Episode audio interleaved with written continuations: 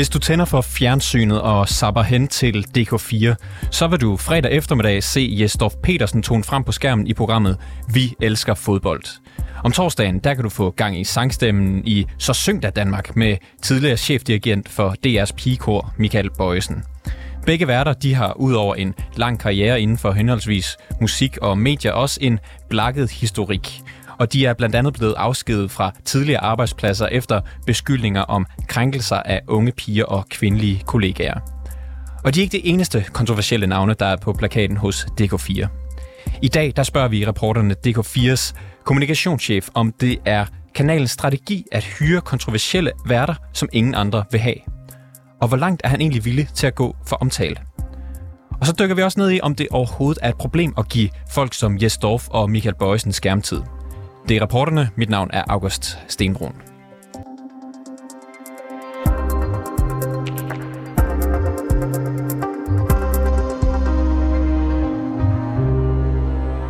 Og vi starter faktisk med det sidste, nemlig om det er problematisk, at DK4 de hyrer værter ind, som tidligere har været beskyldt for krænkelser og grænseoverskridende adfærd. Det mener du, Send Don, øh, øh, talsperson for Everyday Sexism Project Danmark? Øhm, øh, sådan har jeg ikke sagt det. men, men, øh, men det, man kan sige, det er, at jeg er talsperson for Everyday Sexism Project Danmark. Og vi er jo rigtig interesseret i, at, øh, at der sker et opgør med øh, sexisme i vores kultur i Danmark generelt, og selvfølgelig også i medierne.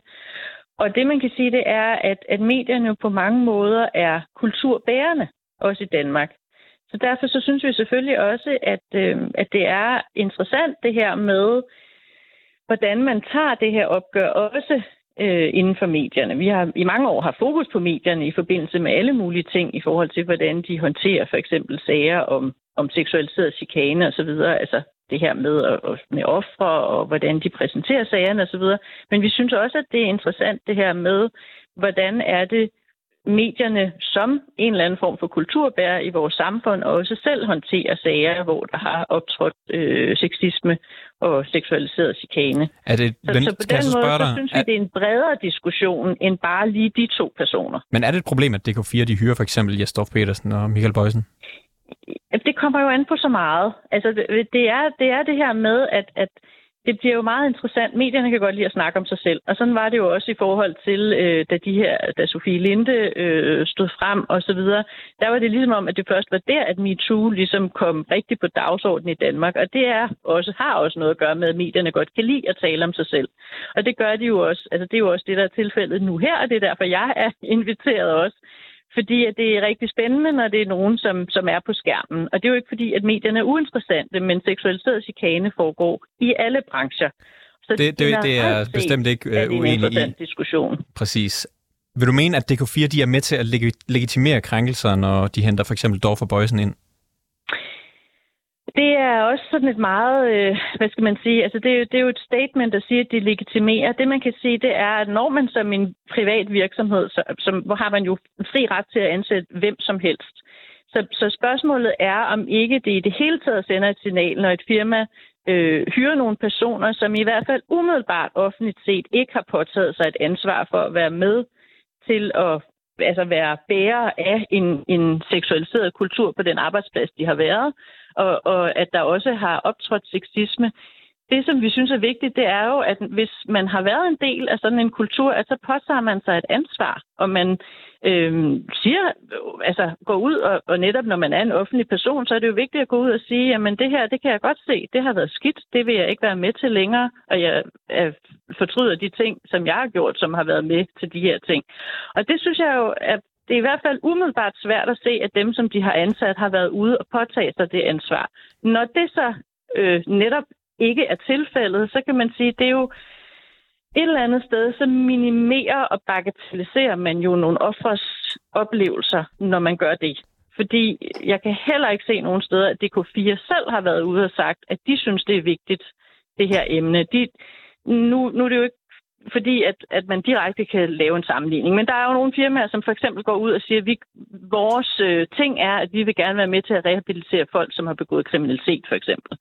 Nu bevæger vi os øhm, lidt, uh, noget... lidt uh, langt væk fra det. Bør, bør man som tv-kanal for eksempel tage højde for, at der kan være seere, der har været udsat for krænkelser, som kan blive stødt over at se de her mennesker på skærmen? Det er, jo, det er jo lige præcis det. Altså, det er jo det her med at påtage sig det her ansvar, og vi, vi kan da ikke se,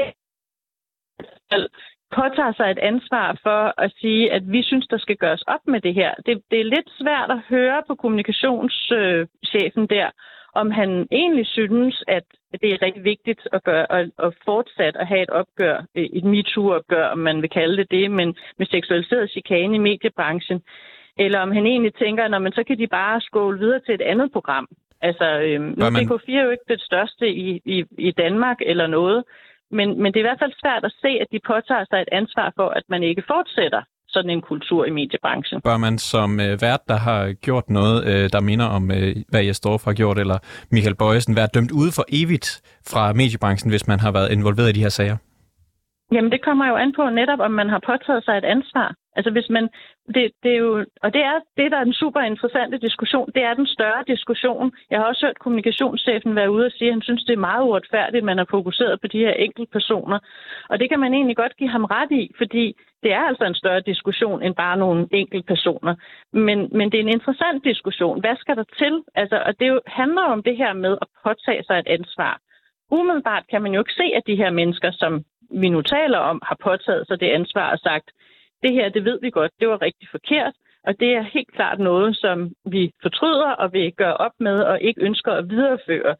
Øhm, så, så på den måde, så kan man sige, at DK4 ligesom mangler lidt at, at ja, selv at tage et ansvar. Det bliver en bagatellisering, når man bare siger, at så kan folk jo skåle videre til noget andet, eller at øh, jamen, de er super dygtige til det, de laver, fordi det er vi da ikke uenige i, og det er der jo mange mennesker, der er. Men det her, det handler jo ikke om, hvorvidt der er nogen dømt for noget eller ej. Det handler om, hvordan de selv ligesom har påtaget sig det ansvar efterfølgende. Ikke? Sandonen, du er bestyrelsesmedlem og talsperson for Everyday Sexism Project Danmark. Tak fordi du var med i programmet. Velbekomme. Hej Anna Thyssen. Hej. Du er i studiet her øh, fordi at Michael Bøjsen og Jesdorf Petersen, de er jo bare nogle af de her kontroversielle eller mm. omdiskuterede værter, som øh, DK4 har hentet ind, ind. Man kan også nævne Ing Støjberg, Jens Gårdbo, Milena Penkova, Henrik Kvartrup. Øh, de har alle sammen været i mediernes søgelys og ikke øh, ligefrem positivt. Øh, sådan. Øh, spørgsmålet er, om det her det er en strategi fra kanalens side, altså at hive de her omdiskuterede skikkelser ind, måske få en masse omtale af, af den øh, grund. Øh, du er jo et øh, kommunikationsrådgiver for WeDo Communication. Er det en bevidst strategi fra DK4's side? Det tror jeg. Altså det skal jo dybest set tale med selv om, men det er jeg som, som rådgiver og som sådan sidder og kigger på, på strategisk kommunikation, så noterer jeg mig i hvert fald, når jeg hører dem, at øh, de er på en mission at de her, øh, at det har taget over, det her vogueism, som de siger det også altså en del af, øh, at, at de her mennesker, de, øh, de har ret til at, at, at, at få et job igen, og det vil vi gerne give dem, hvis ellers de er dygtige til det, de nu laver.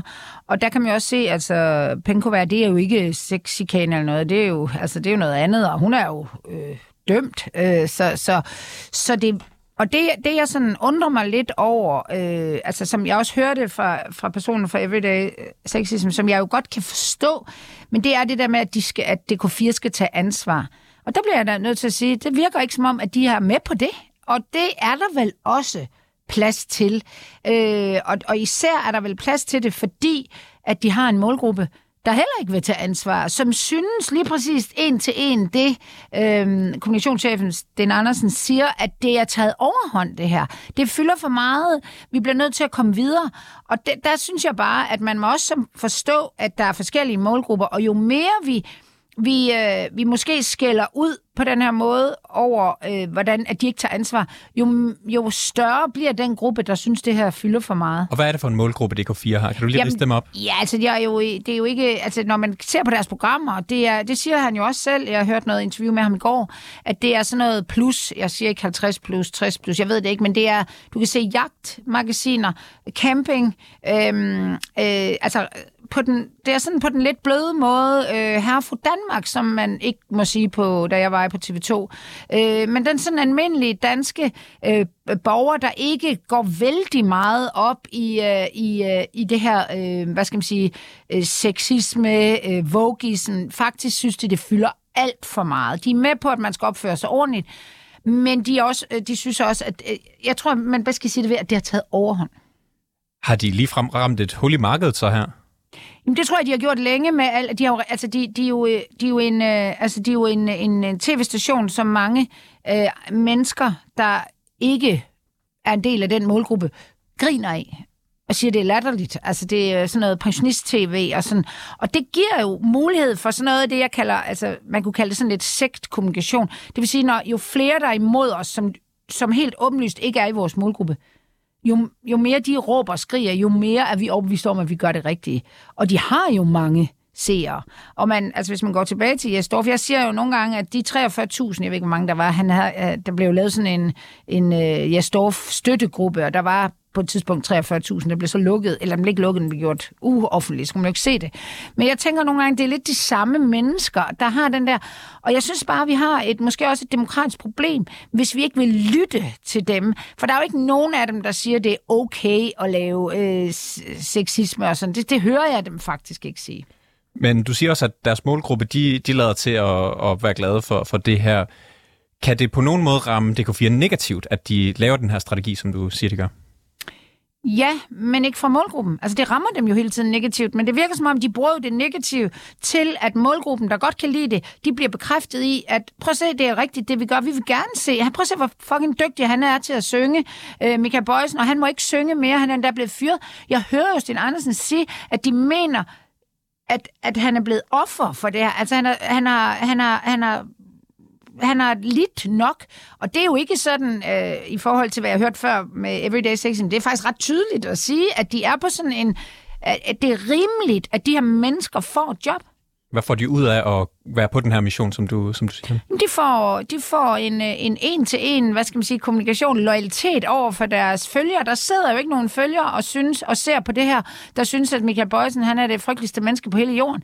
Og derfor bliver den der snak om, at er det den moralske, er det, er det, altså den, den praller jo af på dem. Og det gør den jo, fordi de også øh, forsvarer sig med, at øh, for eksempel Bøjsen, han er ikke øh, dømt for noget. Og det har, han jo, det har de jo ret i. Hvis nu, at øh, firmaet DK4 de havde hyret dig til øh, at hjælpe med for eksempel ansættelsesstrategi, eller skulle lægge en ny øh, strategi for, hvilke værter man skulle have, og de så øh, hæve Jesper øh, Petersen og Michael Bøjsen op af hatten, hvad vil du så øh, sige til dem?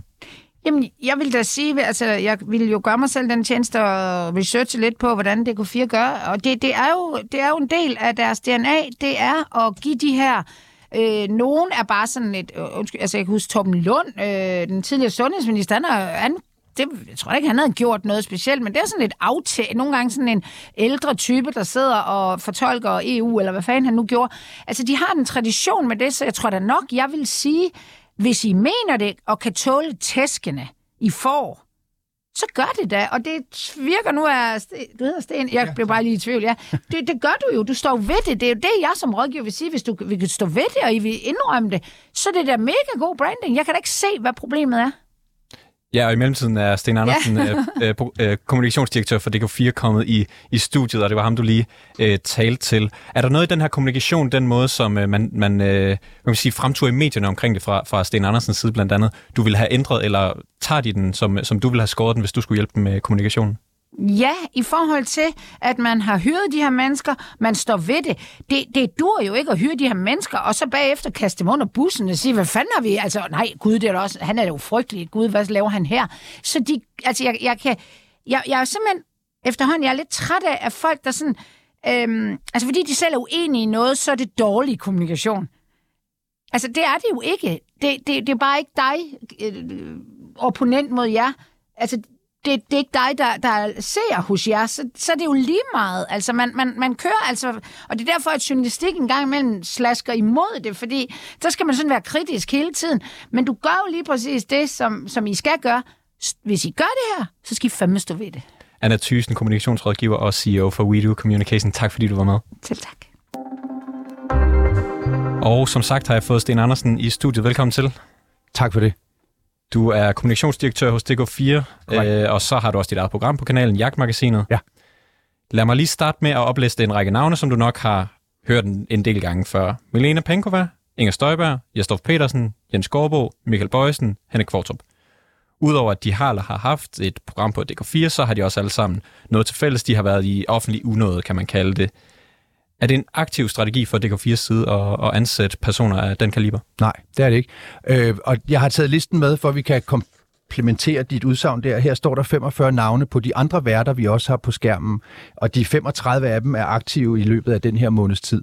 Så det er et lille bitte udpluk af vores meget store værtsmasse, som er kommet til at tiltrække sig uforholdsmæssigt stor opmærksomhed. Det er selvfølgelig helt rigtigt. I sender alt muligt andet, end øh, hvad de her øh, seks førnævnte har sendt eller sender i dag. Øhm, men er det helt tilfældigt, at I har en portefølje af værter, om inden hvor meget de øh, fylder i den samlede, der har været kontroversielle som de her? Ja, ja det synes jeg er helt tilfældigt. Altså, det er øh, jo en, altså et eller andet i tidstrenden, der gør, at, at lige præcis øh, Michael og Jes og Jens er, er frie på markedet nærmest samtidig.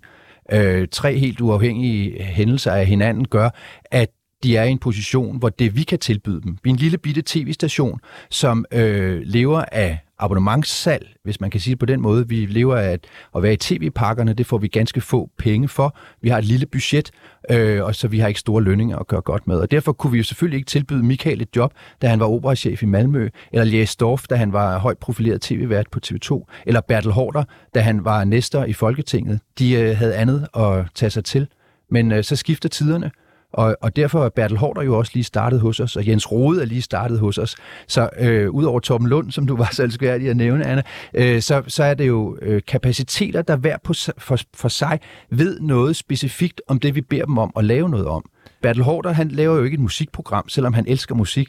Han, han laver et, et program, der handler om kultur og kulturformidling. Øh, I får jo ret meget omtale på baggrund af det her. Betyder det også noget i ansættelsen af, af de her værter? Nej. Det gør det ikke. Vi, vi spekulerer ikke i den omtale. Altså, vi har eksisteret i snart 30 år, og, og vi har da af til undret os over, at, at der er ingen, der har lyst til at beskæftige sig med os.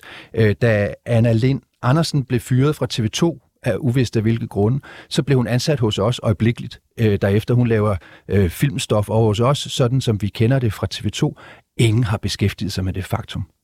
Så, så, så øh, hvis vi ville være kontroversielle for at få omtale, så var der mange andre ting, vi kunne gøre, som vi bestemt ikke har tænkt os at gøre. Jeg er lidt nysgerrig på, hvordan det foregår, det her. Altså, i øh, ser, eller hvordan, altså aftalen med de her værter, som for eksempel Jes Dorf, du nævnte dem selv, Jens, ja. Gårdbo og, og Michael Bøjsen. Hvordan kommer det i stand? Altså, hvem tager kontakt? Hvordan? Der er Michaels eksempel, det, det, det der er tættest på og, ja. og friskest i erindringen. Det foregår på den her måde, at Bertel Hårder øh, fratræder sin plads i Folketinget, så får han et bidjob ude hos os. Øh, og at en af de allerførste gæster, hvis ikke den første, det er Michael Bøjsen, som han gerne vil have i studiet, fordi i 2007, øh, der lavede de øh, sangens år, hvis jeg ellers husker nogen. Nej, det skulle nok i 2008, undskyld mit franske. I 2007, øh, der, der vil Michael Bøjsen lave det her, så syng der Danmark, som Danmarks Radio overhovedet ikke vil røre ved. At det så sidenhen er noget, han tvinger igennem, og som, Mik, øh, som øh, Philip Faber så kan overtage og gøre til en stor succes sidenhen, det er jo kun et bevis på, at Michael også havde ret i den her sammenhæng.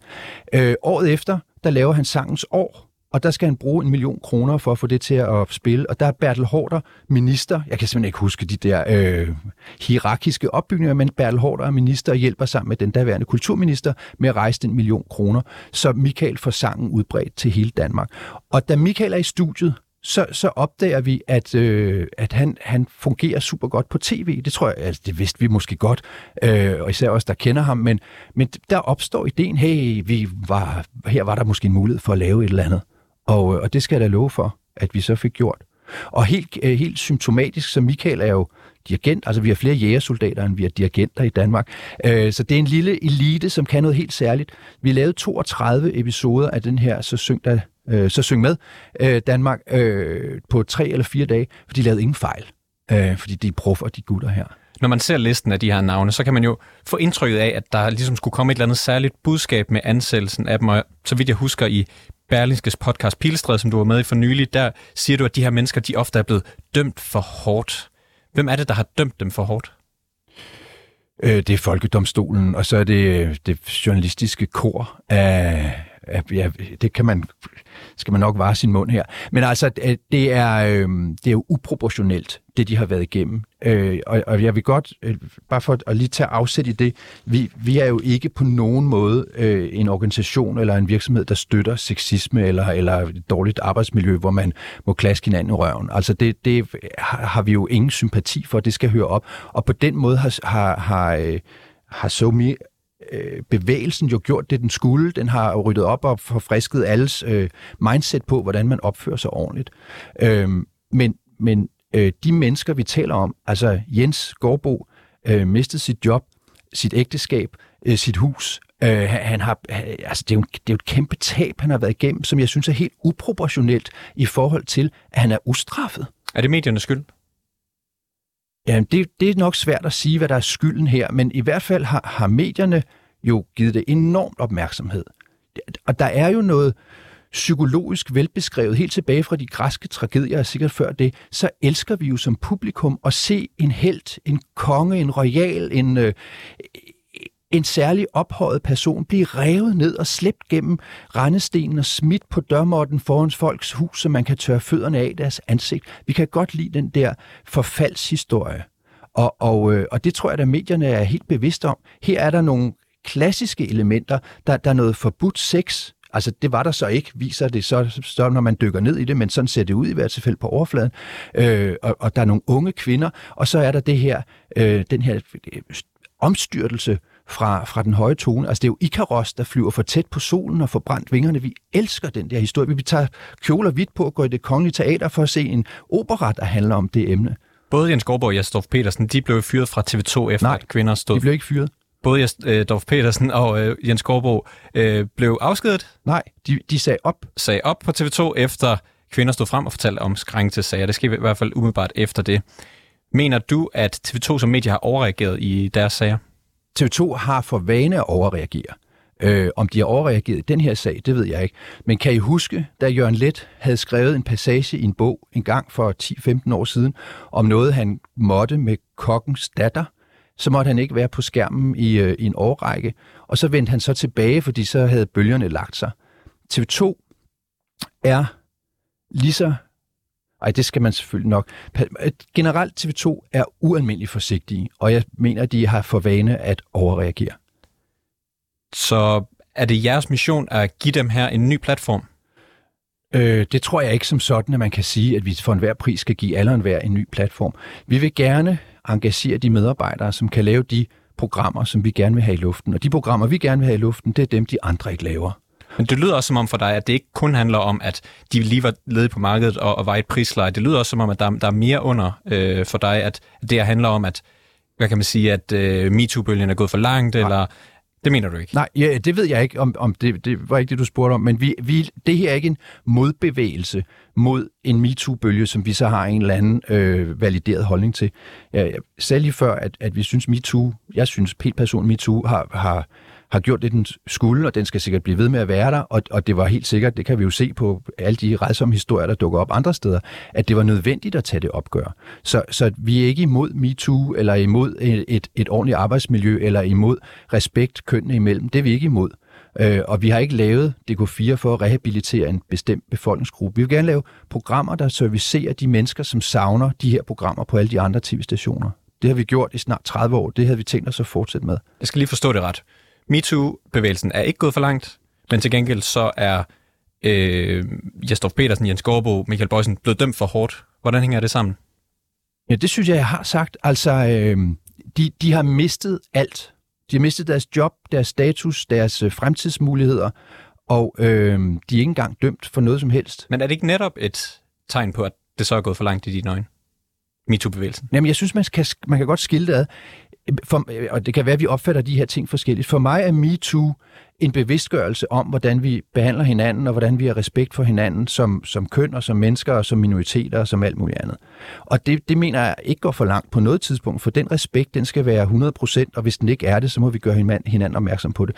Den del af, af jeg, har jeg på ingen måde indsigelser imod. Jeg har indsigelser imod på den anden side de repræsalier, som de mennesker, der er blevet beskyldt for at have gjort noget, og i øvrigt er beskyldningerne et langt stykke af vejen øh, forkerte eller decideret løgnagtige, øh, de er blevet straffet i kraft af, at de har mistet job og status og fremtidsmuligheder langt hårdere, end, øh, end, end det på nogen rimelig måde måtte være øh, ja, altså anstændigt. Der er noget, jeg faktisk har tænkt lidt over. Hvordan går det egentlig med programmerne med for eksempel Jens Gårdbo og Jesdorf? Bliver de taget godt imod? Ja, de bliver taget godt imod. Trækker øh, seere til? Vi måler ikke vores seere. Du aner ikke, hvor mange seere jeg har? Nej. Du har ingen idé? Det kunne være jo. alt mellem 0 og 1,4 millioner. vi har nok ikke 1,5 millioner, men nej, vi måler ikke vores seertal. Øh, dels er det for dyrt, men vi har faktisk aldrig rigtig gået op i det, og vi har frem for alt aldrig fortalt vores medarbejdere, hvad seertallene er. Fordi hvis man ved, hvad seertallene er, så begynder man måske at navigere efter at få flere, og så kommer man til at gøre det, alle de andre gør, som også gerne vil have flere seere. Vi betragter vores produktioner i højere grad, øh, og undskyld mig, hvis det lyder højrøret, men det er det altså ikke, men, men altså vi betragter vores produktioner som et værk, og ikke som et produkt. Og derfor skal programmedarbejderne, tilrettelæggerne, journalisterne have mulighed for at lave det lige præcis sådan, som de synes, det skal være, og ikke sådan, som seertallene og seerfluktuationen tilskriver, det skal være. Øhm, vi hørte tidligere fra Everyday Sexism Project, at de mente, at der manglede nogen, der skulle tage ansvar, altså at de her værter, som, øh, som øh, er ansat på DK4, manglede at tage ansvar.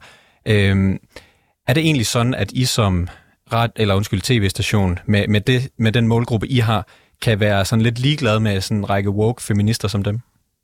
Nej, på ingen måde. Og det er også noget sludder, at de ikke har sagt undskyld. Altså seneste Michael Bøjsen, jeg tror det var den 6. i 6. I hvert fald var det i juni 2021, da han træder tilbage umiddelbart efter de første skriverier i politikken træder tilbage fra Statens Kunstfond, der skriver han netop, øh, at han han, han øh, kan registrere, jeg kan ikke huske det præcist, men han skriver noget i retning af, at han på baggrund af de skriverier kan registrere, at den tid, han har haft i radiopigekoret, ikke har, har været sådan, som han troede, det var. Øh, og han undskylder. Øh, og det er en fuldstændig uforbeholden undskyldning. Og han siger noget i retning af, at det var mig, der var leder for det, og det ansvar påtager mig. Så har vi sidenhen haft lejlighed til at grænske de der øh, såkaldte advokatundersøgelser og kunne konstatere, at at størstedelen af det, der står i dem, det, det er altså øh, rygter og, og, og, og tankespind, og i langt stykke af vejen virkelig forkert. Men, men i situationen, der siger Michael undskyld for, for alt, hvad nogen kunne have følt for at være krænkende. Så jeg mener, at både han, og det har, har Jes også gjort, og det har Jens Gårdbo også gjort. Så det er simpelthen decideret forkert, når nogen påstår, at de ikke har sagt undskyld og påtager sig ansvaret. Sten Andersen, nu jeg har der lige en, en sidste runde her til sidst. Jeg tænker, jeg gerne vil pitche et par programmer for dig. Øh, med, for lige at sådan teste af, hvilke ja. personer, der kunne være potentielle værter for ja. DK4. Du kan bare lige sige ja eller nej, om du synes, det er en god idé og noget, du vil arbejde videre med. Du skal ikke regne med, at jeg svarer på hypotetiske spørgsmål. Det bliver en masse af dem. Radikal rehabilitering med Morten Østergaard og Christian Hegård, der skal lære at holde fingrene for sig selv. Det, det, det kan man ikke vide. Et journalistisk hardtalk-program med Esben Kær og Mads Ågaard. Det, det er svært at se. Socialdemokratisk mandeklub Carsten Hansen, Frank Jensen og Jeppe Kofod? Nej, jeg tror, jeg tror, det er noget, I skal tage op. De er, de er så unge, de mennesker der. Søndsforladelse med øh, præsten Flemming Ples. Han er ældre. Ja, nej, øh, nej, ja, det, man skal aldrig sige aldrig. Okay. Øh, et rejseprogram, øh, ude godt, men hjemme bedst med Nasser Carter. Kunne han passe det, er, det er nogle gode forslag. Det kan jeg godt høre. Øh, det, jeg mener ikke, vi har huller i sendefladen lige for tiden. Okay, hvad nu hvis jeg siger et sådan iværksætter investeringsprogram med et panel af løver, bestående af Stein Bakker, Sanjay Shah og Britta Nielsen? Øh, så mangler vi bare Kurt uh, Thorsen. Hvad nu og, og, og han har faktisk lige været i et af vores programmer. Hvad nu der hvis snakkede Christ... han om rødvin. Det, der er han altså den fødte ekspert. Jamen, det lyder som om, at der er noget at arbejde videre med der. Sanjay Shah er vel også på vej til Danmark. Hvad med et reality-program, der hedder Keeping Up with the Leverkovic's? oh, jeg håber, I har brugt lang tid på det her. Det var bare min aften i går. Sten Andersen, kommunikationsdirektør hos DK4. Tak, fordi du var med i programmet. Selv tak. Og tak til jer lyttere, fordi I lyttede med til reporterne i dag. Bag dagens udsendelse er Clara Edgar og Niels Frederik Rikkers. Simon Renberg er redaktør, og mit navn er August Stenbrun.